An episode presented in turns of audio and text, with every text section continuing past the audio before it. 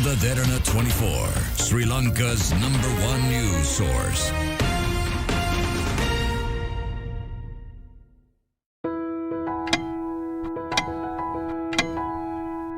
එස්සල්ලස් ප්‍රමිතියලත් ශ්‍රී ලංකාවේ ප්‍රථම සහ එකම හඳුන්කෝරු අම්රිතා.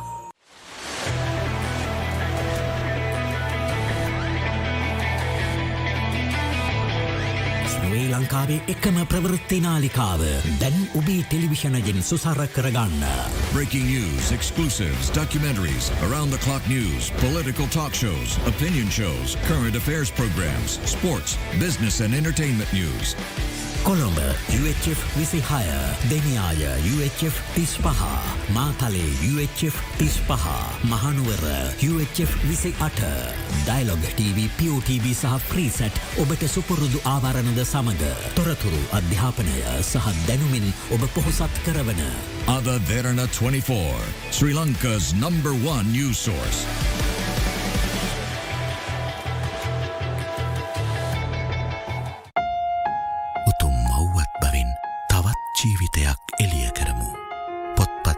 පාසල් උපකරණ ලබාතිී උපකාර ඇවසින් ලක්ෂයක් දරුවන්ට අකුරු කරන්නට ලබාදෙන අත්වල. අලුත් පොත් සුවඳ ඔබත් පොතකින් දායක වන්න නැතහොත් රටේ අනාගතය වෙනුවෙන් ඔබේ ආයෝජනය මෙමගිනුමට යොමු කරන්න.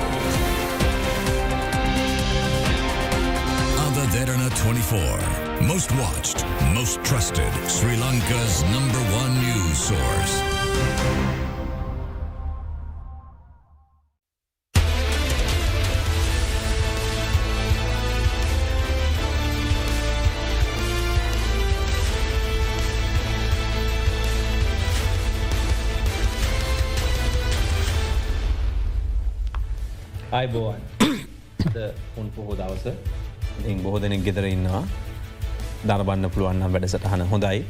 මොකද බොහෝ දෙනෙක් විශ්වාස කරන කාරණයක් තමයි විධ ප්‍රතිපත්ති ඔස්සේ රටේ දුවල දුවල දුවල දුවලා නෑ අධ්‍යාපනයෙන් හදන මේ හොඳ ප්‍රාග්ධනයක් හදනපල මේ මානව ප්‍රාග්ධනය රට දුවන්න පුළුවන් කියල විශ්වාසයක් තැන් රටතුළ ඇතිවමින් පවතිනවා. සහ අධ්‍යාපනය ඉතාමත් වැදගත් අංගයක් බව දෙමවපියන්ගේ සිට හැමෝම තේරුම් අරගෙන ඉන්නවා. මෙචරකල් රටහදන පුළන් එහෙමයි මෙහමයි කියල කියද්දී අධ්‍යාපනයට තිබිච්චිටකට අඩුවන නමුත් දැන් අධ්‍යාපනයට වෙනට වඩා වැඩි ඉඩක් වෙන් වෙලා තිනති අපි අද මේ සාකච්ඡාව සඳහ පැමිණෙන්නේ අපි ලෝකේ අරරට මෙහෙමයි මේ රට මෙහෙමයි ඒ රට මෙහෙමයි කියල කිව්වට ඒ රටවල් කරලා තියන්නේ අධ්‍යාපනය මොනවද. එතකොට ඒව කරන්නේ නැතුව අපි ඒ රටක් වෙන්න හිතුවට ඒ අධ්‍යාපන ක්‍රමේට යන හිතුවට කරන්න පුළුවන්ද. ඒමනම් එහි ප්‍රතිසංස්කර අධ්‍යාපනය මොන විදිට වෙන්න ඕනද. අපි අද සාකච්ඡාව කරන්නේ අධිකරන බඳනාගාර කටයුතු සහ ආණ්ඩුක වස්ථා ප්‍රතිසංස් කරන අමාත්‍ය ජනාධිපති නීතිච්ච ආචාර විජේදාස රාජපක්ෂ මහත්මයත් සමඟ අයිවන් ඔබතුමා පිළිගන්නවා. අයිබෝන් අපිත එක්ක සම්බන්ධ වෙන්න මේ දරුවන්ගේ අධ්‍යාපනයේ මේ නව සැලසුම් පිළිබඳව කරන සාකච්ඡාවට මේ සාකච්ඡාවේ වැදගත්ම කොටසක් විදිරගත්තෝති මේ අපේ අධ්‍යාපන පද්ධතියට ශ්‍රී ලංකාව උසස් අධ්‍යාපන අවස්ථා පුල්ලු කිරීම සඳහා සුදුසු නිර්දේශ ඉදිරිපත් කිරීම සඳහ වන පාර්ලිමේන්තු විශේෂකාරක සභාවේ වාර්තාව තමයි uh, මේ ඉදිරිපත් කල තියෙන මේ ඔබට මත ඇති ගෙවිච්ච මාර්තු මාසේ කතා බහට ලක්කරා මේ පිළිබඳව පත් කිරීම් කොහොමද කරන්නේ කවුද පත් වෙන්න කියලා. අපි මුලින්ම ගත්තෝතින් uh, ඇමතුමා අධ්‍යාපනයේ වෙනසක් සිදු කළ යුතුයි කියලා. මේ ක්‍රමේ වෙනසක් වෙන්න ඕන කියලා එක අවස්ථාවල කතා කර විධ රජයන් යටතේ තොට දැන් මෙතන්ට එනකං මේ ප්‍රතිපත්තිමය වෙනස එමනත්ත මේ සඳහන යෝජනාව වෙනස්වෙන් ආවෙ කොහොමද එතකොට මේක එක පාරට අපපු දෙයක්ද නැත්තම් මේක කාලඇත්තිස කතා කරලා ගත්ත තීරණයක්ද. අධ්‍යාපන ප්‍රතිසංස්කරන අපේ රටේ අවශ්‍යය කියන කාරණය හැමදාම මේ රටේ කතා කරන මාතෘකාව.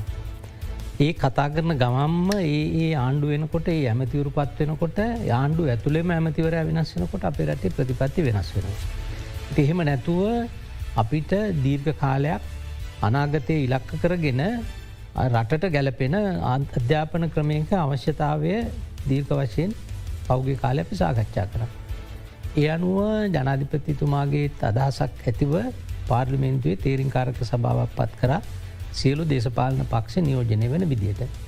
නිසා මේ කාර්ක සභාව විදියට අපි මාස හයක් තිස්සේ අපේ අත්දැකින් වලට අමතරව මේ රටේ රාජ්‍ය විශ්විද්‍යාල පෞද්ජලික විශ්විද්‍යාල වෘති අධ්‍යාපන අයතන පෞද්ජලික වෘති අධ්‍යාපන අයතන අධ්‍යාපන දෙපාර්තුමේන්තු උසස් අධ්‍යාපන අමාත්‍යන්සය විශ්වවිද්‍යාල ප්‍රතිපාදන කොමිෂන් සභාව ජාතික අධ්‍යාපන ආයතන ඒ වගේම ජාත්‍යන්තර වශයෙන් විශ්ෂේසඥෝ.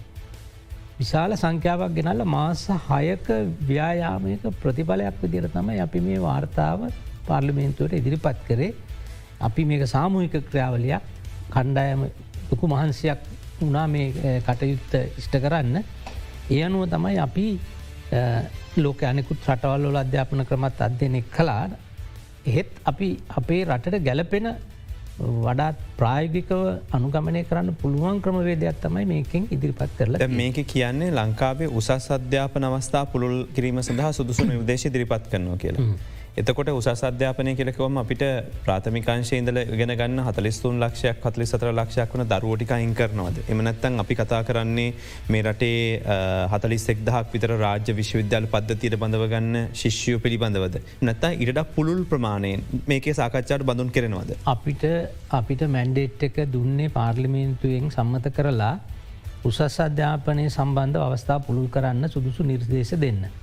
හැබැ අපි උසස් අධ්‍යාපනය පිළිබඳව අධ්‍යයනය කරනකොට කවුරුත් පිළිගන්න කාරණයක් තමයි ප්‍රාථමික සහ දවිතීක අධ්‍යාපනයේ සුදුසු ප්‍රතිසංස් කරන නොකර උසස් අධ්‍යාපනයට ආවට පස්සේ ප්‍රතිසංස් කරන්න ගියොත් කවදාවත් එක සාර්ථක වෙන්නේ නෑ.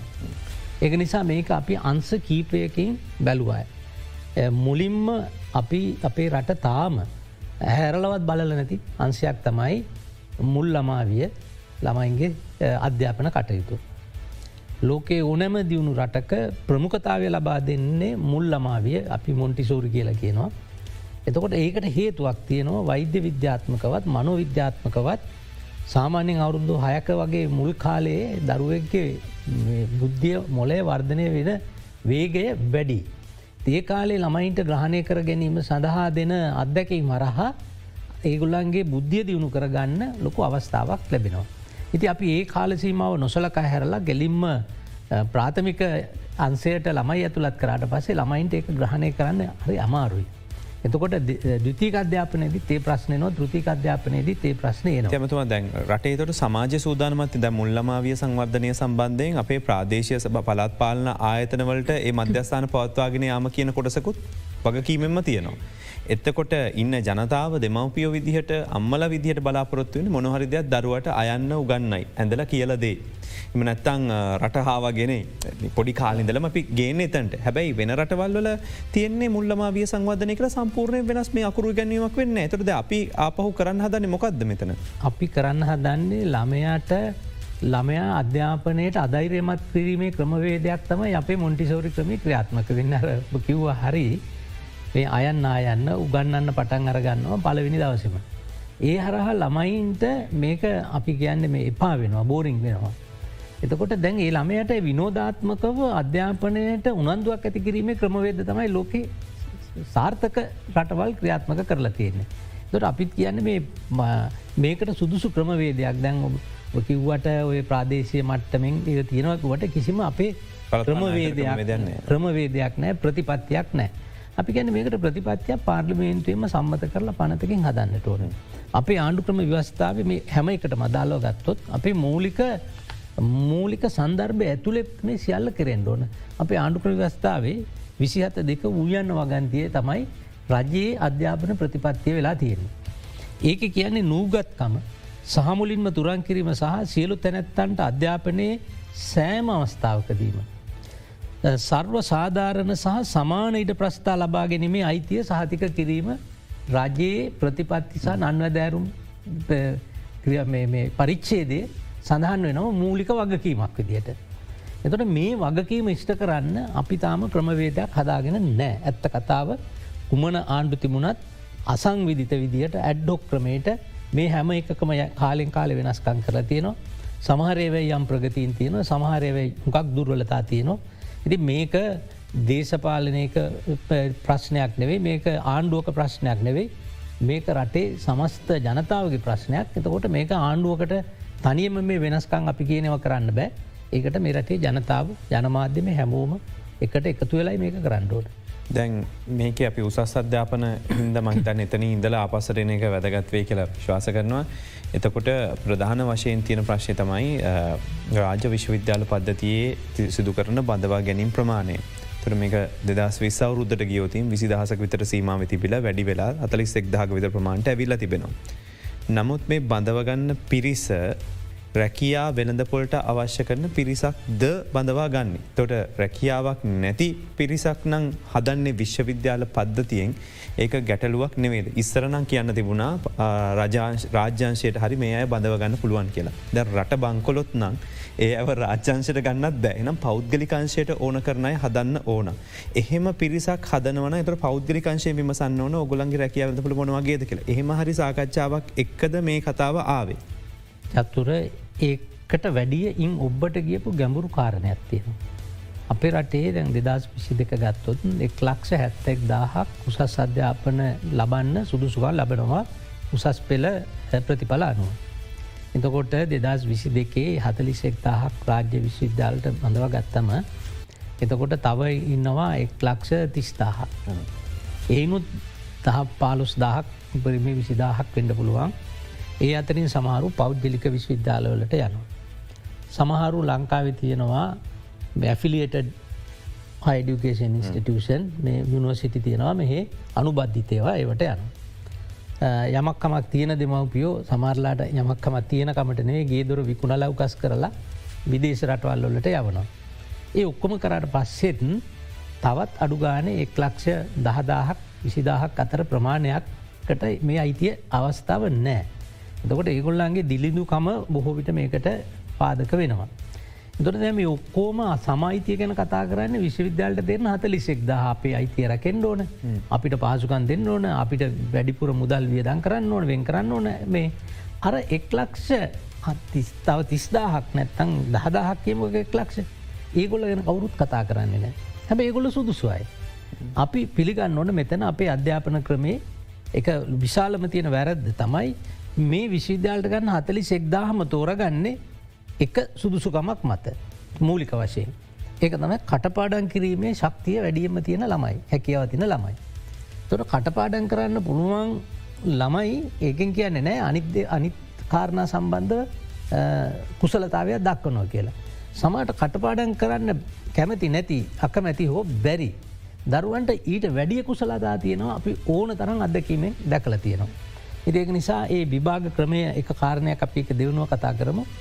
දැම් මූලික වශයෙන් මේක කමිටුව පත් කරන්න හේතු වනේ අන්නාර උසස් අධ්‍යාපනයට අවස්ථාව නොලබෙන අයට යම් සහනයක් කෙන අවස්ථාව ලබා තිස්දාකට විතර සාධාරණ කිටු කිරීම කියන කාරණය කාරණය. විශ්වවිද්‍යාලවල ශිෂ්‍ය සංගංවල ගුරු සංගංවල ඔක්කෝම සටන් කරන්නේ අර එක්ලක්ෂ ඇත්තදායෙන් අතිස් පන්දාහක්කෝ අතලිස්දාහක් විශ්විද්‍යාලට ඇතුල්ලෙන එයාට ඒගොල්ලන්ට ඔක්කොම සියලු පහසුකන් දෙන්න හැබැ අර එක්ලක්ෂ තිස්දාහකට වැඩි ප්‍රමාණයක් ගැන කතා කරන්න රට කෙනෙක් නෑ. අවසානි බොහෝ තරුණයෝ ත්‍රීවිල් උඩ තමන්ගේ ජීවිතය එතන අතරමංගෙනවා ගෑනු දරුවෝ ඒත්තෙම ඒගොල්ලන්ට අවස්ථාවක් නෑ ඒගොල්ලන් සමට ඇඟලුම් කල් කර්මාත ශලාවලට යනවා හැබැ ඉතින් ඒ දරුව ඔක්කම දක්ෂයෝ නැත්තන් සමත් එන්න බෑන උසස් පෙළ. ඉති ඒකට සාධාරණ ක්‍රමයක් සකස් කරන එක ඕනම ආණ්ඩුවක රජයක වගකීම. දැ මේ අපි ගත් දැන් අපි කිව ඔබතුම කිවන හතලිස්සෙක් දහක් පිළිබඳව තමයි දැන් එතන ඉල්ලීම් තියෙන කිය දැන් ඔය විශ්වවිද්‍යාල පද්ධතියෙන් සාමාන්‍යෙන් විද්‍යාර්ථයක් හදන්න මනැත්තන් අපිගේ උපාධිධාරය බිහි කරන්න. කොච්චර විතර මුදලක් යනවදේ කැන ලංකාවේ වෛද්‍යවරය බිහි කරන්න යන මුදල කොච්චරද්ද එතකොට වෛද්‍යපාතිය සම්පූර්ණ කලෙනකොට ශ්‍රී ලංකා රජය පුරවැසියූ බදු මුදලින් දරන මුදල කොච්චරද්ද. සාමන කලා උපාධධාරය කදනවන එක කොච්චර මගේ ප්‍රශ්ය අහන්නෙම රැකයා බැඳපොල ඉලක්ක කරගෙනද මේ අයි නිර්මාණය කරන්නකින් ප්‍රශ්නත් එක්ක. හරි. දැන් අපේ විශ්වවිද්‍යාලවල වැඩියෙන්ම ශිෂ්‍යයෙක් වෙනුවෙන් වියදන් කරන්න මේ වසරකට වසරකට ඇස්තමේන්තු මුදල දන්ත වෛද්‍ය විද්‍යාව ශිෂ්‍යයකුට ලක්ෂ දාහතක්. එතකොට පසු වෛද්‍ය විද්‍යාවේ පාලොස් ලක්ෂ විසි දෙදාහක්. වෛද්‍ය විද්‍යාවේ දසලක්ෂ දහදාහක්. ඒ වගේ ඉහල වියදන් දරන අය ඉන්නවා. ඉට පස්සේ තාක්ෂණය වගේව තුන් ලක්ෂ හැට නම දාහක්. තොරතාක් තොරතුරු තාක්ෂණය තුන් ලක්ෂ හැට දෙදාහක්. පසු සම්පත් හා පෝෂණ විද්‍යා පන්ලක්ෂ අසුවට දාහක්. කෘෂිකර්මාන්තය හයලක්ෂ අසූහය දාහක්. නීතිය තුන් ලක්ෂ දොළොස් දාහක් ඉතා අඩුවෙන් තියෙන්නේ. ඉංජිනේරු විද්‍යාව හත් ලක්ෂ පන්දහක්. මේ ආදී විදියට විශාල මුදලක් වසරකට මහජනයා මේ උදවියනය වියදන් කරනවා. ඒකන්නේ සාමාන්‍යෙන් අපි ගත්තෝතින් ඔය දන්ත වෛද්‍ය විද්‍යාව වගේ ගත්තම ලක්ෂ පහලව දාහත ඒ වගේ ගියාට අවුරුද්ධකට වියදම් කරන ගාන ඒකැන්නේ විශ්වවිද්‍යාල ශේෂ තුළ අයිට උපාධධාරයෙක් හදන්න එක කියපු තුන් ලක්ෂ විසිදහකින් විතර වැලොත් අපිට ලක්ෂ දහයයි එක්කෙනෙ හදන්න යන්න අවුරුදු තුනකට. තුනකට. එතකොට නමුත් ප්‍රශ්ය තියෙන්නේ මේ ශේත්‍රයේ රැකිය අවස්ථාව ඕන තරම් පුළුල් වෙලා තියෙනවා. නමුත් පද්ධතිය තුළින් අපි නිර්මාණය කරන පිරිස සමස්ය හතලිස්දාහෙන් අයදහක් විතර වෙනවන. ඒක මීට පුළල් කරන පුළන් අවස්ථාවතින නමුත් මේක බෙදාගෙදීම මොකක්ද මේ කෝටක හැදිච්ච විදිහ මේක මෙතන ප්‍රශ්න තියෙන්නේ අපිට ඔය අයිට වගේ විෂයන් ගත්තොත් ඉල්ලුමට සරලන සැපයුමක් නෑ සාමාන්‍ය විදියට ගත්තොත් ඉල්ලුමෙන් සයට විශක් විතර වගේ තමයි අපේ අධ්‍යාපන ක්‍රමින් අපි නිර්මාණය කරලා දෙන්නේ. ඉහල රැකිය අවස්ථා ඒ විෂය. දකොට ඒවා සියල්ල රජයට කරන්න බෑ. ඒ අපි දැන් අදකල තියන රජයේ තියන මේ ආර්ථික ප්‍රශ්නත් එක්ක තියෙන පහසුකාන්ගක රජයට කරන්න බෑ. ඒක නිසා ලෝක හැමරටක්ම රජයත් සමගම තරගකාරීව පෞද්ජලි කන්සේටත් අවස්ථාව දීල තියෙනවා ශිෂ්‍යන්ට මේ අධ්‍යාපනය ලබා දෙන්න. එතකොට ඒ සඳහා සුදුසු වැඩ පිළිලක් නෑ කොටිම ගෙනනම් අපේ උසස් අධ්‍යාපන ආකෘතියම අයාල යන එකක්. මං ඒක තනාත කරන්න අපේ උසස් අධ්‍යාපනය ලබන ක්‍රමවේද තියෙනවා කීපයක්. එකක් තමයි රාජ්‍ය විශ්වවිද්‍යාල දාශයක් තියෙනවා. විශ්වවිද්‍යාල ප්‍රතිපාදන කොමිෂන් සභාව යටතේ පාලනය වෙනවයි කියන්නට බැහැ යම් යම් මඟ පෙන්නීම් සහ පහසුකන් ලබාදීමේ කටයුතු සිදු කරනවා එක පාලනයක් පෙන් නැද පාලනය කියන්නේ අධ්‍යාපන කටයුතු බඳ ස්වාධීනතාවේ දීල තියෙනවා විශ්වවිද්‍යාලවලට පනතමකින්. ඒක හොඳ දෙයක් ඒ අපි නරකයි කියන්න. නමුත් ඒ නිදහසම අයුතු විදියට භාවිතා කරන අවස්ථාවලුත් අපි ඕන තරන් දැකල තියෙනවා. ඒකම මේ විශ්විද්‍යාල පරිහානයට පත්වන්න හේතුනයි කියෙන කාරනෙත් යම්ම මස්ථාවලද පිළිගන්නට වෙන ඇ ඒවනට අපි මේ මට ඔබතුමාගේ තර්කයෝක බිඳන එක බිඳන වනමුත් මේ ප්‍රශ්යහන්න දැන් ඒ කාලේ ගත්තැන් පස්සේ ස්ටැන්ලි කල්පගේ මහත්මාව එක් එතකොට ආයතන ගණනාවක එතුම ප්‍රධානය විදියට හිටිය. එතකොට ඒ අවස්ථාවදි රාජ මැදිහත්වීම සම්බන්ධයෙන් ප්‍රශ්නයක් තිබුණා. තොර ඒ අවස්ථාවේ රාජ්‍ය මැදිහත්වීමෙන් වියුක්ත කළ යුතුයි මේ ආයතන කියලතම විශ්වවිද්‍යාල ප්‍රතිපාදන කොමිසම එන්නේ. ද ඔබතුමා කියන විදිහට ආපහු පාරක් විශුද්ධ ප්‍රතිපන්න කොමිෂන් සභ වැඩ කරන්න නෑ කියලා කියනවන ඒ කටයුත්ත කරන්න නෑ කියල කියනවන හිත් එකොළන්ගේ බලාපොරොත්තු ඉෂ්ට වෙන්න නෑ කියලද ඔබතුමා කියන්න. ඒක බලාපොරොත්තු ඉෂ්ට වෙන්න නෑ කිසිසේත්ම එකට හේතුවත් තියෙනවා එදස් වනසේ හැත්ත අටේ නෙමේ මේ නීති ගේන්නේ ඒ ගැන සංවෘත ආර්ථිකයක් තිබිල විවෘත්තාර්ථිකට පැනපු ගමම්ම ඉන්දයාවේ තිබුණු නීති ආකෘතියක් බලලා ගෙනාපු නීතියක් මේක. එදා කාලෙට හොඳයි දැන් අවුරුදු හතලිස් පහ කිල්ල. එදා උසස් පෙළ සමත් වෙලා විශ්වවිද්‍යාලයේ විශාල ප්‍රමාණයකට ශිෂ සංකෑව අනුපාත යනු විශාල ප්‍රමාණයකට විශවිද්‍යාල ඉට තිබුණා. දැන් අදේමන අද සිසු ප්‍රජාව පුළුල් වෙලා වගේ හරි හතලිස්ලා තුන් ලක්ෂයක් විතර වෙලා තියෙනවා. එයින් එක්ලක්ෂ ඇත්තදාහක් විතරෙනකොට අඩුගාන ඒකෙන් හතරෙක්කටවත් ආණ්ඩුවට පහසුකන් දෙන්න බෑ. එතකොට ඒ අධ්‍යාපන අවස්ථා හැබැයි පුල්ලලනෑ දරුවන්ට එතකොට ආණ්ඩුවට කරන්න බැරිනම් ඒ සඳහා අවශ්‍ය පරිසරය නිර්මාණය කරලා දිලතිය කරන ආණ්ඩුව වගකීම ප්‍රතිරටම කරලා තියෙන හැබයි ප්‍රතිපාදන කොමිෂන් සභාව ඉන්දියාවේ දත් තිබ්බ ද අදටත් ඉන්දියාව ප්‍රතිපාදන කොමිෂන් සභාව විශ්වවිද්‍යාල එද්දා සකසිය දාහතක් ඔවුන්ගේ පාලනය යටතේ කටයුතු පවත්තගෙන යන්න වෙනම ආයදනකත ඉඩකඩ වෙන් කළ දීල තියෙන. ඉන්දියාවේ ප්‍රතිපාදන කොමිෂන් සභ ආකෘති අහෝසි කරා. අවුරුදු දහයකටත් වැඩි. එගොල්ල ගිහිල තියෙන උසස් අධ්‍යාපන කොමිසමට කොමිස. එතවට ඒ උදස් අධ්‍යාපන කොමිසමේ විශ්වවිද්‍යාල එදදා එකසිය තිස්ස එකක් ලියාපදිං වෙලා තියෙනවා.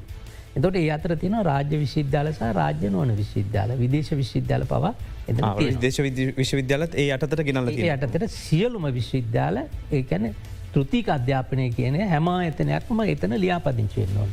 එතකොට ඒ ප්‍රමිතිය ආරක්ෂා කර ගැනීම සඳහා ඒ කොමිසමට විශාල වගකීමක් තියෙනවා. එතකොට අධීක්ෂණ ඇත්තියනවා රාජ්‍ය ප්‍රතිපත්තිය කුමක්ද කියලා තියෙනවා. රාජ්‍ය ප්‍රතිපත්තියට අනුගතවීමේ අවශ්‍යතාවය තියෙනවා. දැන් අපි යෝජනා කරලා තියෙන්නෙත් මෙතන. දැන් මං ඉස්සල කියන්න විශ්වවිද්‍යාල තියෙන ක්‍රමවේදේ. විශ්වවිද්‍යාල දාශයක් රාජ්‍ය විශ්වවිද්‍යාල විශ්වවිද්‍යාල ප්‍රතිපාදන කොමිසම යටතේ. ඊළඟට විවෘත විශ්වවිද්‍යාලය. ඒක ප්‍රතිපාදන කොමිස්සමටම නැහැ. නමුත් කොමිසමයෙන් නිකුත් කරපු අර චක්‍රලයක නනුව තමයි පාලනය වෙන්නේ ඒක සංකල්පය සහ මුලින්ම දැන් උඩි අටිකුරු වෙලා.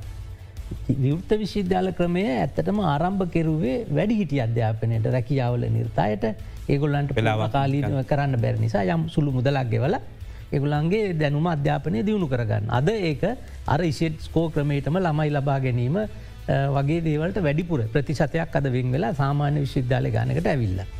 එතොට ඒ දාහතට අමතරව අපේ එක පාරට අපි විවෘත්ත ආර්ථිකයට ගියාට අධ්‍යාපනය විවෘතාර්ථිකය තුළ ක්‍රියාත්මක වීම පිළිබඳ කවද අධ්‍යනය කරේ නෑ. එතොට ඒක ගිල දසක තුනක් විතර දෙකක් තුනක් ගියාට පස්සේ දැම් පෞට් පෞද්ගලික විශ්වවිද්‍යාලවලට අවසර දෙන්න ක්‍රමවේදයක් මේක නැති නිසා ඒ පනතනම සංශෝධනයක් ගෙනාව අවිධිමත්ව සංශෝධනයක් ගෙනල්ල ඇමතිවරයට බලතල දුන්නා මේ විශ්වවිද්‍යාල ලියාපදිංචි කරන්න. එතකොට ඇමතිවරයා යම් නිර්ණයකයන් මත එහෙම ලබාදීලා දැනට විශ්වවිද්‍යාල විසි හතරක් අප රටේ ක්‍රියාත්මක වෙනවා නමුත් ඒවා මෙහම දැන් එතකොට දැන් ඔතන ප්‍රශ්නය අධ්‍යාප නැමතියාව උසස් අධ්‍යාප නැමතියාව. එතකොට විශුද්ධ ප්‍රතිපාදන කොමිසම කියන අපිට බලයක් නෑ විශ්වවිද්‍යාල පෞද්ලික විශ්වවිද්‍යාලදර මේ පවත්තගෙන තොරේකද උසස් අධ්‍යාප නැමතිර කියරගෙන. එතකොට දැනට තින ප්‍රශ්ය තමයි මේවා එක්කෝ යුනිවර්සිටි කොලේජ් කියලා කියනවා. නැත්තන් යුනිවර්සිටි කියලා කියනවා සිංහලෙන් පාවිචි කරන්න විශ්වවිද්‍යාලය කියරවෙලා. තොට මේවට විශ්වවිද්‍යාලය කියන නාමය ලබා දෙනවද මේ ක්‍රමේ යටතේ ඔබතුමල්ලගේ යෝජනා යටතේ මනත්තන් ඒවා සම්පූර්ණයම අර විදිහටම නෑ හොරට නමක් මොක්කරගත්තින කොලේජ්ගත්තින මොකර විදිර පවත්තගෙන යනවාද. ඇත්තටම ඉගුලන්ට විශ්වවිද්‍යාල තත්ත්වය ලබා දී යුතුමයි.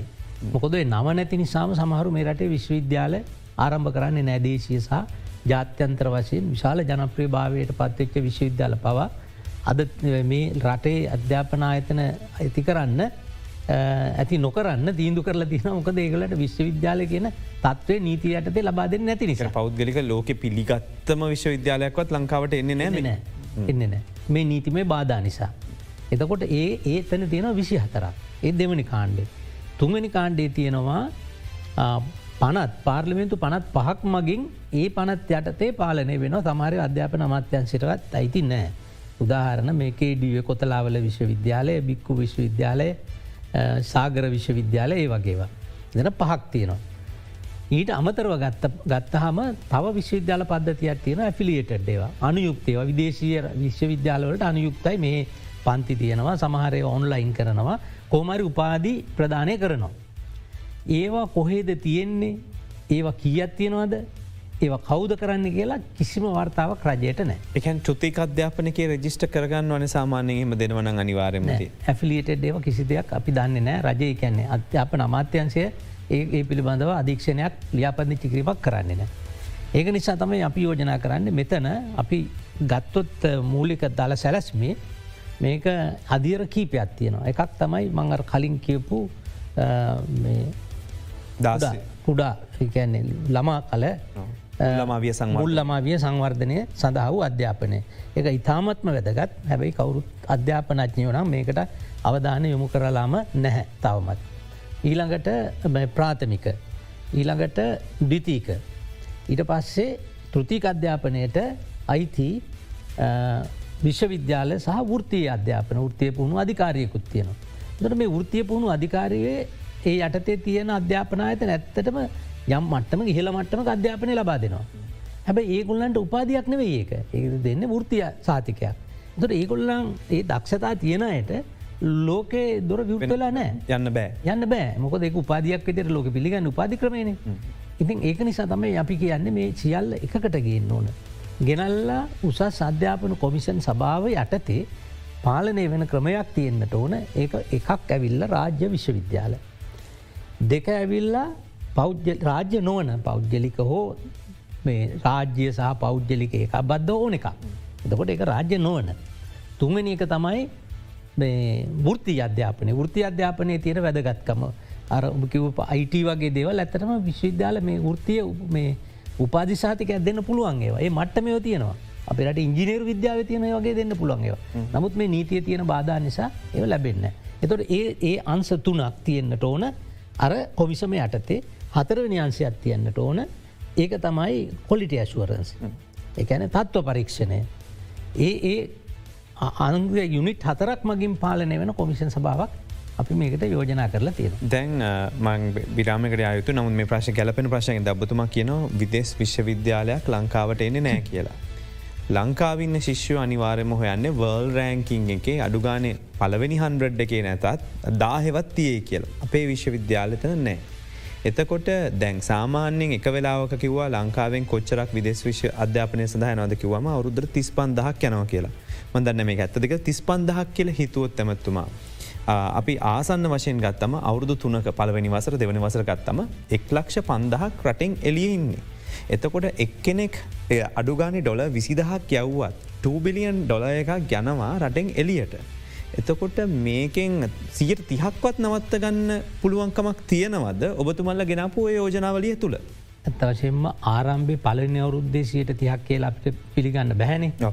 හැබැයි අවුරුදු දෙකක් තුනක් යැනකොට සියට තියනෙවේ සියට පණහකටත් වඩා අපිට නතර කරගන්න පුළුවන්කම තියෙන ඒක ඔබතුමල හිතනවද තිස් පන්දහක් විතර මෙතන පිට යනවා කියල? ගණන් ඇත වශයෙන්ම තක්සේරුක හරි සංඛ්‍යාලයකන යන්න හැබැයි මමත්වේ සොයා බලපුත් ඉදිහානුව සාමාන්‍ය විසිදාහකට වැඩි ප්‍රමාණයක් නම් යවෙන.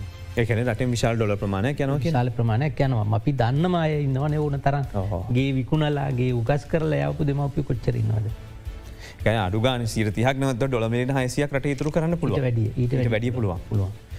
අපි මේ අධ්‍යාපන දැ ගොඩක් කලාට අපි අයිතිවාසිකම් කතා කරන අපිට දෙන්න කියල කතා කරන වස්සාවල් පුරු කරන කියල කතා කන රජයේ වියදම් කන මුදල වැඩි කරන කියල කතා කන විශදල ආචාරවරයාගේ කාරබාරය පිළඳ කතා කළ යුතු තියෙන මේ ගොඩක් දෙවල් පිළිබඳ මෙතන හට කතා කරමු.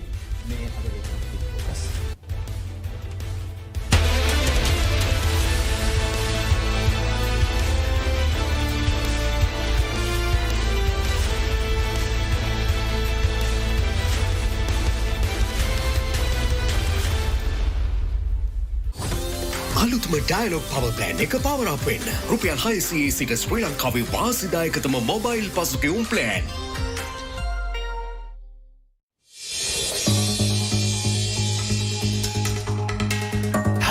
Havelock City luxury apartments are now moving ready with flexible payment plans. Call 0772 505 100. Havelock City, a city within a city. ඔබේ හිසකෙස් ගැලවෙනවද? සමාව පැහැගැන්වෙලාද? විටමින් සහ කනිජමෙන්ම ස්වභාවික ප්‍රතියෝක්ෂකාරකවලින් සුසැදි ලියා ගෝල්ඩ් දීප්තිමත් සමක් ශක්තිමත් කෙස් කලමක් මෙන්ම නිය පෙලක් ඔබට ලබාදේ. ත්‍රිත්ව ක්‍රියාකාරිත්වයෙන් යුතු ලියා ගෝල්ඩ්. Union Assurance ඔබේ දිවයට අපේ සවිය සේදු සුදු ඇඳුම්වලට සුදු සුදු දීප්තිය සහ පාට ඇඳුම්වලට වර්ණවත් දීප්තිය දෙන ප්‍රෝවයි තාක්ෂණයෙන් බබල් වෂන් පවුඩ. අසු වසරකට වැඩි පාරම්පරික විශ්වාසයෙන් යුත් ස්වදේශී කොහොඹ දැන් සමට සුමුදු බවට සම පිළිබඳ විශේෂඥයන්ගේ සහතිකය සමගින් ස්වාභාවික කොහොඹතෙල් අඩංගු ස්වදේශී කොහොඹ මුළු පවුලේම ආරක්ෂකයා. මොකක්ද මේ ශ්‍රීත්වය ගැන මොකක්ද මේ පුරුෂයා කළ යුත්තේ සමාජය වෙනුවෙන්. මේ ඩිජිටල් කරණය වීම හින්දම සමාජානයෝජනය කියන එක නැත්තටම නැති වෙලා තියෙනවා දරුවන්ගේ. මෙඩිකල් ෆැකල්ට රිසච්ච එකක් කරලා තියෙනවා පොද්දු ප්‍රවාහනයේදී තරුණ පිරිමි අයට කාන්තාවන්ගෙන් වෙන ලිංගික හිංසන ගැන. චූටි කාලි පෙන්න්න තරම් තරම සමාජ ලස්සන නෑ හැමෝම අපිට ආදරෙන් හැමදේම ඔළු අතගාල කියලා දෙන්න නැහැ. විස්සයි විසි එක විස්සයි විසි දෙක පොලිස් වාර්තා බැලුවොත් ලක්ෂ එක හමාරක් ලංකාවේ පවුල් ආරවුල් වාර්තා වෙලා තියෙනවා. අපේ මොලේ හරි සියුම් තැන්වලට සංවේදී. ඩිජිටල් වෙලා තියෙන දරුවට සමහර අවස්ථා තියෙනවා සංවේදී. හැබැයි ඒ සංවේදී බව කතා කරන්න අම්ම නෑ. මොකද අම්මත් ෆෝන් එකට යට වෙලා. අසා සිටීම තමයි දරුවෙකුට කරන්න පුළුවන් ලොකුම උපකාරය.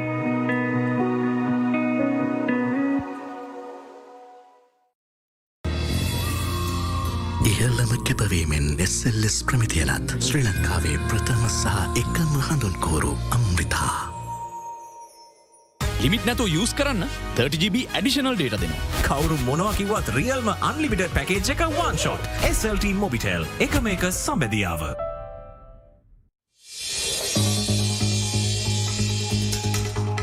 පීසහත්වෙතින් නවතම මිල්ස් ක්‍රංචි චීසි ලෝඩ බෙදා ගන්න බැරිම රසේ.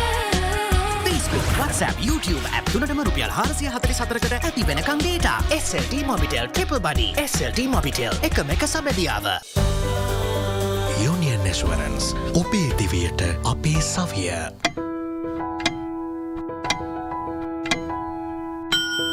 සුදේශී කොහොඹ දැන් සමත සුමුතු බවට සම පිළිබඳ විශේෂඥයන්ගේ සාතිකය සමගින්.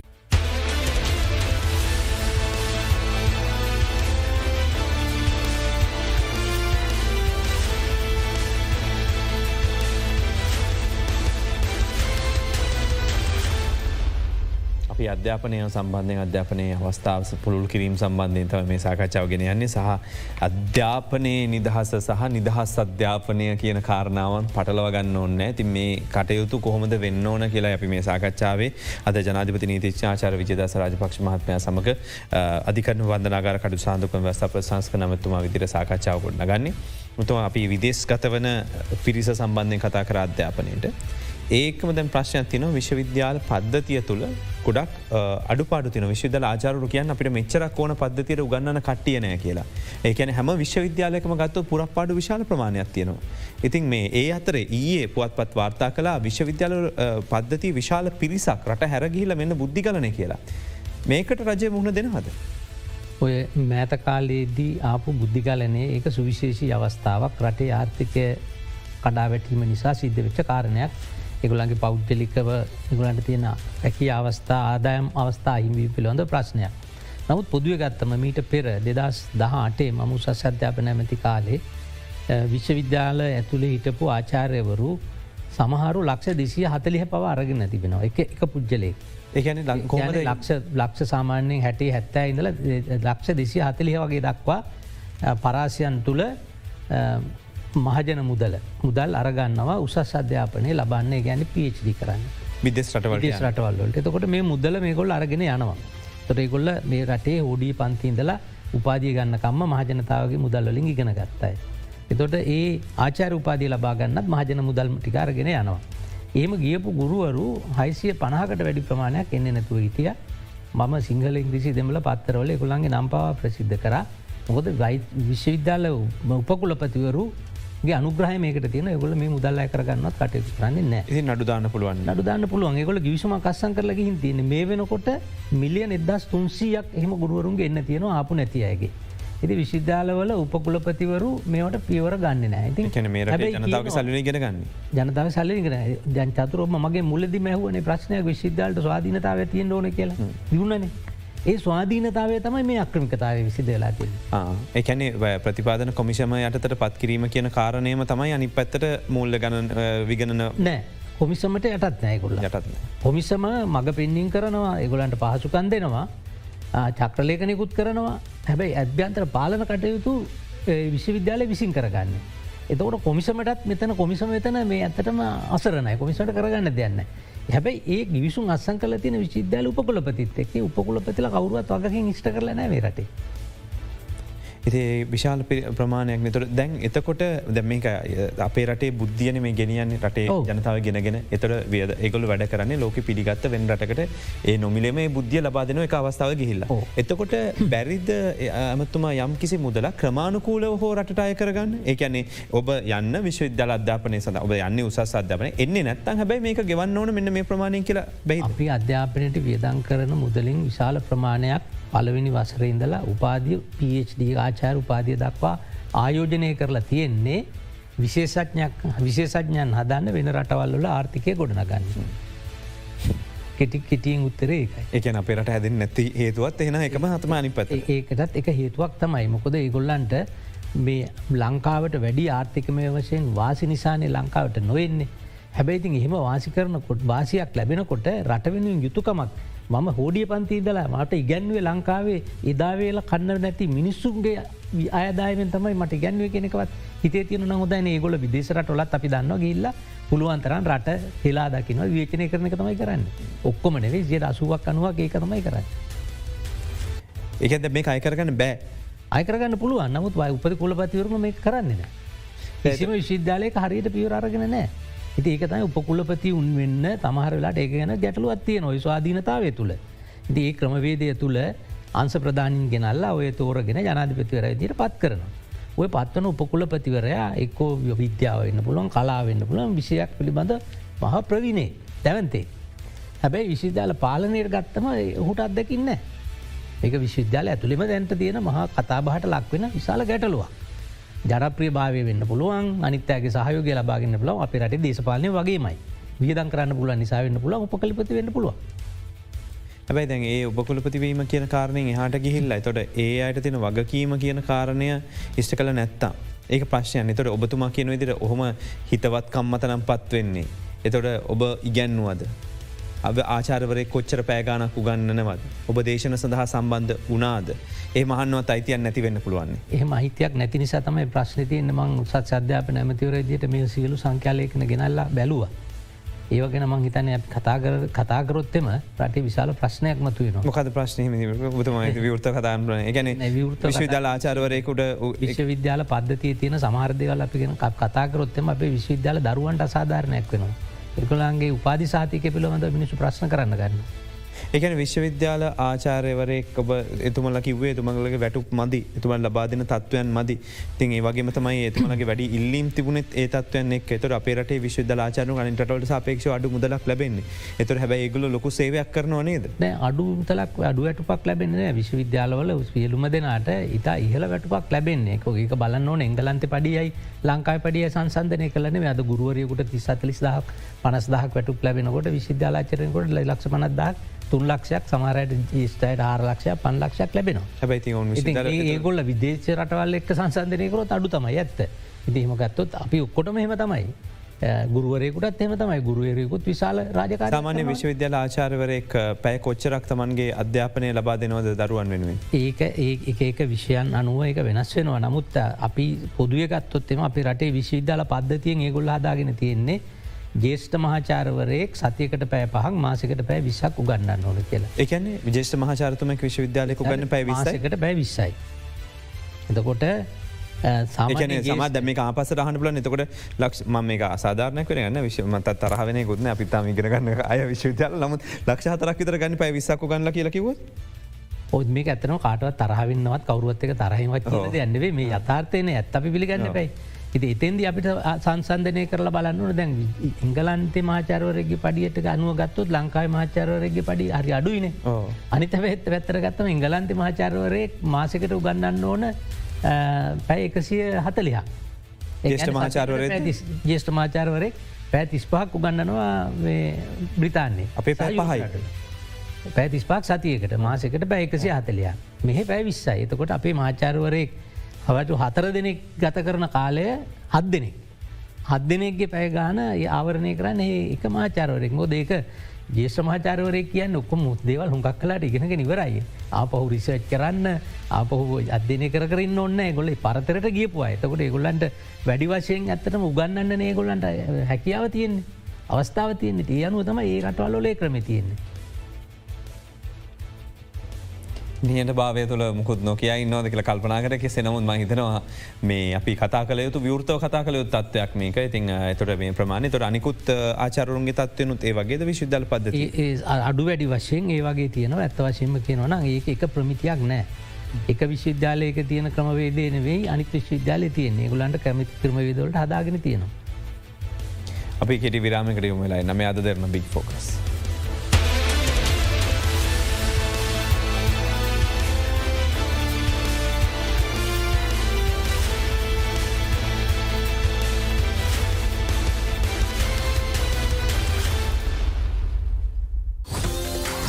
ඩයිලොක් පව ප්ලෑන් එක පවරක් වෙන්න රුපියල් හයිසේ සිට ශ්‍රී ලංකාවේ වාසිදායකතම මොබයිල් පසුකවුම් plan.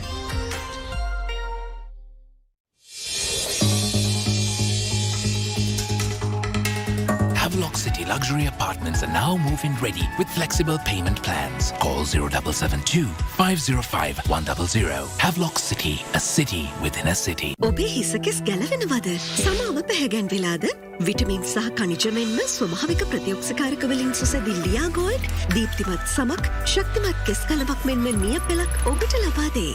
ත්‍රිත්ව ක්‍රියාකාරිත්වයෙන් යුතු ලියා ගෝල්ඩ්.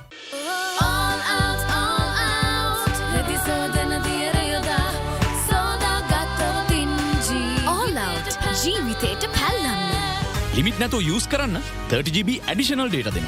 කවරු මොනවකිවත් රියල්ම අන්ලිමිට පැකේජ් එක වාන්ෂොට් SLT මොබිටෙල් එක මේක සම්බැදියාව.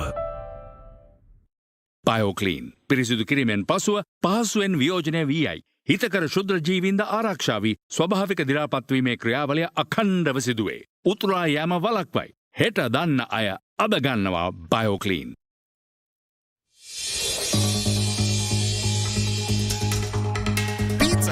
නවතම මිල්ස් ක්‍රංචි චීසි ලෝඩ බෙදාගන්න බැරිම රසේ. WhatsApp YouTube ඇප් තුනටම රුපියල් හාරසිය හතරි සතරකට ඇති වෙනකං data SLT Mobitel ටිපල් body SLT Mobitel එකම එක සබැදියාව. Introducing Rani Sandalwood Shower Creams. Original sandalwood, coconut cream and vanilla, rose water and saffron, and milk and honey. Try all four today.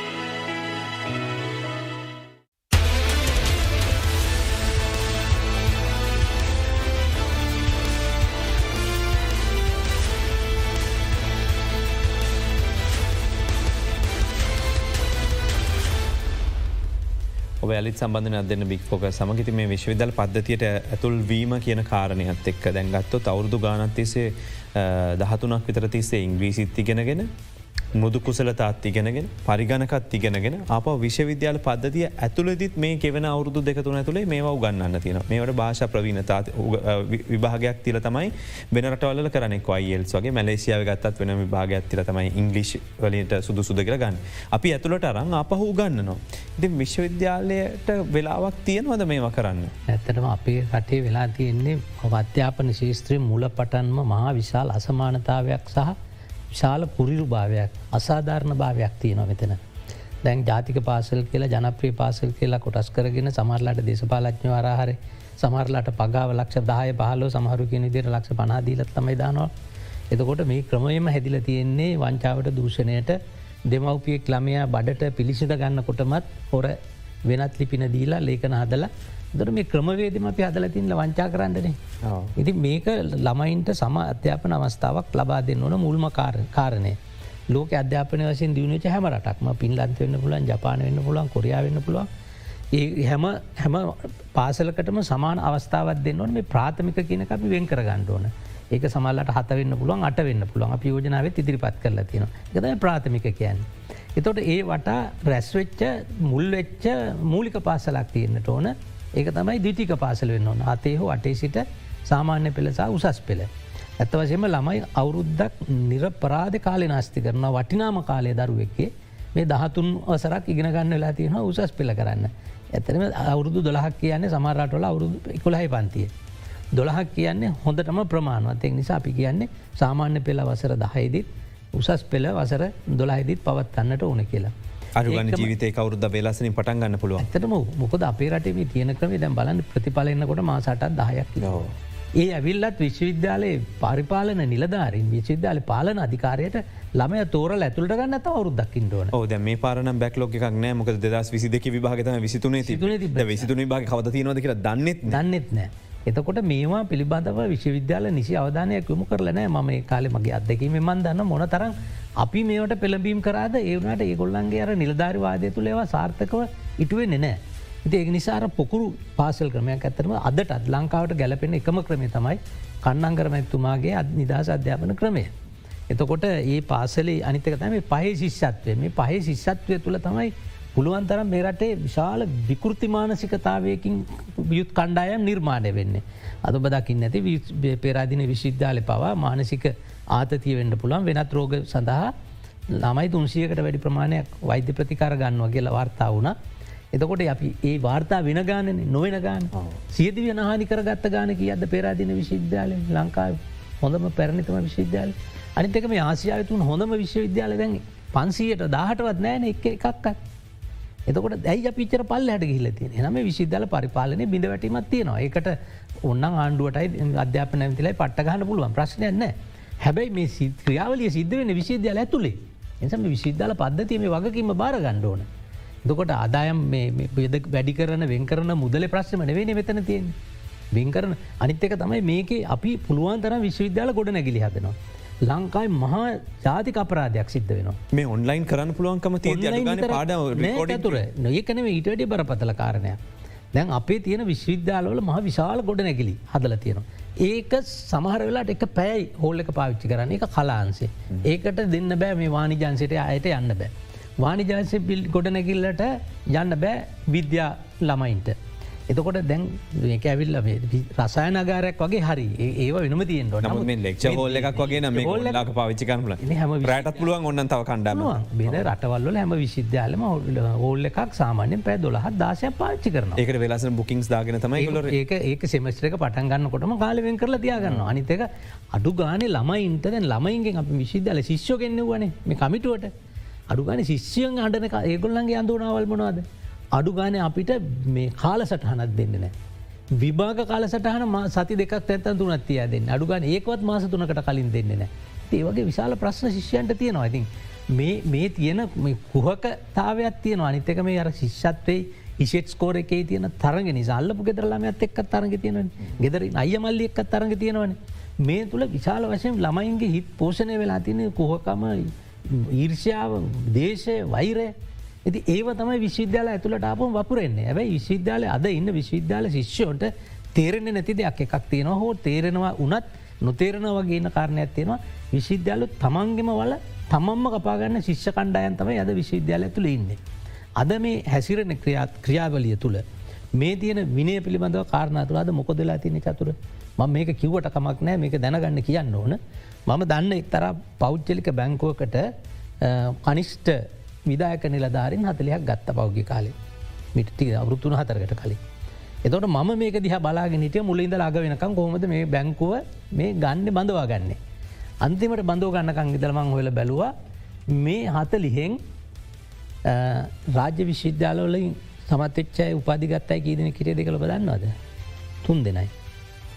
අනිත් අය සමහරලාවට ජාත්‍යන්ත්‍ර පාසල් එන්න පුළුවන් ජනප්‍රිය පාසල් එන්න පුළුවන් එකොළන් ඉංග්‍රිසි භාසා ප්‍රවිණතාවත් හේතු වෙන්නට ඇති මේ උසස් පෙලා අරන් තියෙනවා.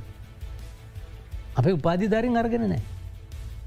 ඒක නිසා අපි මේ අධ්‍යාපනය ලබන්නේ කොතන් දැම් මෙතන තියෙන රාජන පැදිරියම ම පෙරක පුකාරන එක වෙලඳපොට අවශ්‍යකන නෙමේ හදල හදන්නේ දැන් වෙලා තියෙන රජයේ සියලු දෙනාම රජයේ විශවිද්‍යාලට නය වැඩි දෙන බලාපොරොත්වෙනවා රජයේම රැකියාව.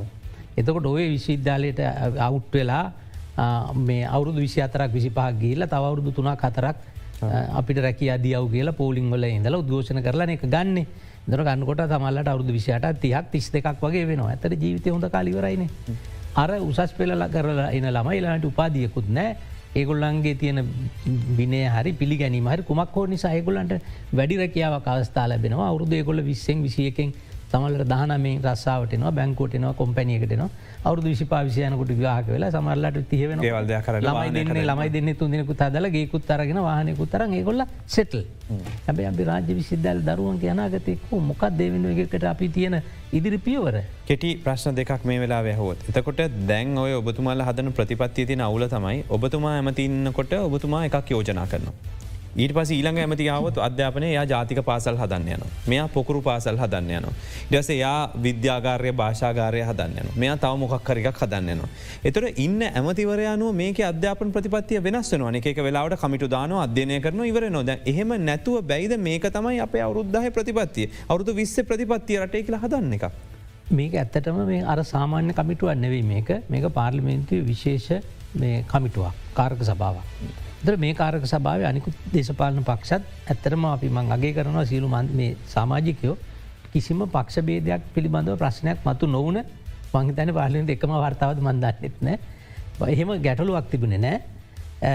මේකේ සියලු දෙනාම පිළිගන්න පුළුවන් කාරණා තමයි ඇතුල් කරලා තියෙන එක ගතාවෙන් තර අපි මේක යෝජනා කරන්න ඊළඟ ආණ්ඩුවක් කාපු හම ඒ ඇමතිවරයා මේ අනිවාරෙන් වෙනස් කරන එක අපි දන්නවන. අටේ දේශපාල සංස්කෘති නිසා තමයි අප යෝජනා කරන්නේ මුල් ළමාවියටත් ඒ පිළිබඳ රාජ්‍ය ප්‍රතිපත්තිය පනතකින් ගන්නට ඕන. ඊළඟට ප්‍රාථමික සහ දිතිීක අධ්‍යාපනයටත් ඒ අධ්‍යාපන ප්‍රතිපත්තිය පනතකින් ගන්න ඕන. ඊළඟට උසස් අධ්‍යාපනයට තමයි අපි මේ උසස් අධ්‍යාපන කොමිෂන් සභා මේ පනත් තුන අපේ සියලු දේශපාලන පක්ෂ එකඟ වෙලා මේ අපි විවාධිකුත් ඉල්ල තියෙන ම මේ දස් දෙකක් කොත්තුනක් ඊට පස්සේ මේ තත්ත්වය බලලා අපිට කිසි ගැටලුවක් නෑ මාසයක් ඇතුළට පුළුවන් ඔන්නම් මේ පනත් තුනම මට පුළුවන් කෙටුම් පත් කරන්න. එක පනතකින් කරොත් රටේ අධ්‍යාපනය අපි දන්න මේක තමයි අධ්‍යාපන ක්‍රම කවරුවත් වෙනස් වෙන්නේ අවුරු මුණත් ප්‍රශ්න ඉවරයි බේක භාගයක් සදාකාලික නෙවේ නමුත් අවුරදු විසක් තිහක් දෙරනක අඩුගාන අවරුදු විස්සක් යනකම්. එතකොට ලෝක වෙනස්සෙනකොට අපිට බලන්න පුළුවන්. එක ප්‍රතිපත්තියකට යන ප්‍රතිපත්තියකට යන්න ඕන. අවසානම කොටස අගත්තොත් අඩුගානේ මේක කරොත් ඔය අපේ විශ්වවිද්‍යාල දැන් ඇහුවම කියන අපේ විශිදල් ලොකුනෑ බඳවගන ප්‍රමාණිමට අපට පහසු ගංනෑ හැබැයි ඉස්සර ඔව නැතුව මේ මුල් දාහතර හිටියන්. ලෝක පිරිගත විශෂදන් එතකොට දැන්හරි පුළුවන් මේක විශ්වවිද්‍යාල අතරට ගෙනල්ල? මේ තව ඉස්සරහට ගෙනල්ල පිළිගත්ත විශ්වවිද්‍යාල අතරට ගේන්න? තරම ගන්න පුළුවන්. කිසිම ප්‍රශ්නයන්න ලංකාවේ හැකියාව තියෙනවා දක්ෂතාවේ තියෙනවා නායකත්වය තියෙනවා. හැබැයි මේ ක්‍රමවේද අවුලක් තියෙන ආත්මාර්ථකාමී භාවයක් තියෙන උගත් අය අතරේ තුගත් අය අතරත් පොහක භාවයක් තියෙනවා නොහැකියාව නුත් තියෙනවා ද මේවට මේවට හරි නීතිමය ආකෘතියක් තුළ කටයුතු කරන්න එකොලන්ට ටාගට් එකක් දුන්නොත් මග පෙන්වීමක්කරොත් ඒක කරන්නට පුළුවන්. එක කිසි ගැටලුවක් නෑ. අනිත් ඒක දැම් මේ ලංකාවේ තාමත් අපිට අර බිල්ඩිම මේ ගොඩ නැකිල්ල නිල්ලන් තව දසකයක් දෙකක් යනකොට ලෝක විශවිද්‍යාල ගොඩ නැගලි හදන්නෙම නෑ. මේක විද්‍යුත්යුගයක් ඒකට ගැලපෙනද අපි අධ්‍යාපන ක්‍රමාණු පුල පරිවර්තනය කරන්න ටුකන් ලෙක්චස්ටිකවත් මේ වෙලා පුළුවන් රෙකෝඩිංස්ටික ඔන්න දෙන්න. ඇත්තටම ඔය පර්යේෂණ කටයුතුටික ඇරෙන්න මේ කලා විෂයන් වලින් විනීතිය වෙන්න පුළුවන්. මේ සවිතකොට වානිජ වෙන්නට පුළුවන්. කොච්චර දේවල් මේ ඔන්ලයින් ක්‍රමයට අපිටිගෙන ගන්න පුළුවන්? ගුරුවරෑ මෙතනල ගෙදරට ළඟට මුණ පෙනි පෙනි ගන්න නුවනාවක් නෑ ඒ ක්‍රමයට ඒ ඒ මානසික තත්වයට එතෙන්ට අපි ළමයි හිර කරන්න හොඳ ඒ කරත් කමක්නය හෙන විශ්වවිදල ආචාරතුමා හම්බුවෙනවන තමන්ගේ පෞද්දික ප්‍රශ්නය කතා කරන්න පුළුවන්න දැවතුමා කියනදර පැය පහිනං ඉන්නේ. තොර හම්බුවෙන් බෑනෙත්තර ගොලන්ට දැන් විශේෂ විශ්වවිද්‍යාල ඒ කල්චර එක ඒ සංස්කෘතිය සම්පූර්ණයෙන් වෙනස් වෙලාවට අපි දන්නව ඒදසොල විශ්වවිද්‍යාලය ආචාරවරයකේ ළමයි එක්කමන කාලය ගත කරන්න. දැන් අද එහෙම බැඳීමක් නෑනේ අද පාසලත් ඒක හොඟක් තුරට ඇත්වෙලා තියෙන හැබ අපි අපරාධි ගන්න බෑ උකක් පාසලල නැතුව නෙවෙයි. ප්‍රාථමිකසා දිතීක මට්ටමෙන් තියෙනවා. ඉතින් ඒ තිබුණු ඒ සංස්කෘතික ලක්ෂණත් එක් අපි මේක ඉදිරියට ගෙනියන්නට ඕන ගෙනියන්න බැරිකමක් නන්න. හොද එබෙම සූති ඔබතුමාට සම්බන්ධනට අපි ඉතන්න මේ අධ්‍යාපනය සිදුවයුතු වෙනස්කම් මේක පනතකින් එන එක තමයි සුදුසුම කාරණය. මොකද එහෙම නොව නෝතින් එක එන ඇමතිවරයා අනුව දේශපාලන ක්‍රමය අනුව පක්ෂය අනුව මෙ වෙනස් වෙන්න ගත්තොත් රටේ අනාගතයට එක ප්‍රතිපත්තියන් නැතිවෙන මේ පාර එක හොඳ දෙයක් වෙනවයි තමයි සියලුදුනා එකතුව මේ සඳහා වූ අඩිතාලම යොදල තින මේ අඩිතාලමත් එක්ක අපි විශ්වාස කරනවා. එමනං යම් කිසි වෙනසක් ඇතිකාන පුළුවන් කියලා ඕක පාස්කර අපි හිතන ඔබතුමාට කටයුතු කරන්න පුළුවන් වේවා කියලා. ශ්‍රී ලංකා උස අධ්‍යාපන අවස්ථා පුල්ලු කිරීම සදා සුදුසු නිර්දේශ දිරිපත් කිරීමට පාර්ලිමෙන්තු විශේෂකාරක සභාව පත් කර. ඒක වාර්තාව මේ වනට එලිදක් ලතින ඒ ගැන අපි කතා කළේ. අපිත් එක සම්බන්ධ වනේ ජනාධිපති නීතිච්ච ආචාර විජදස රාජපක්ෂ මහත්මය. පෙන්ව ස්තුතිය ඔබතුමාට. හෝස්තුති. අපි වැඩසටහන අවසන් කරනවා. මේ අද දෙරන බික් ෆෝකස්.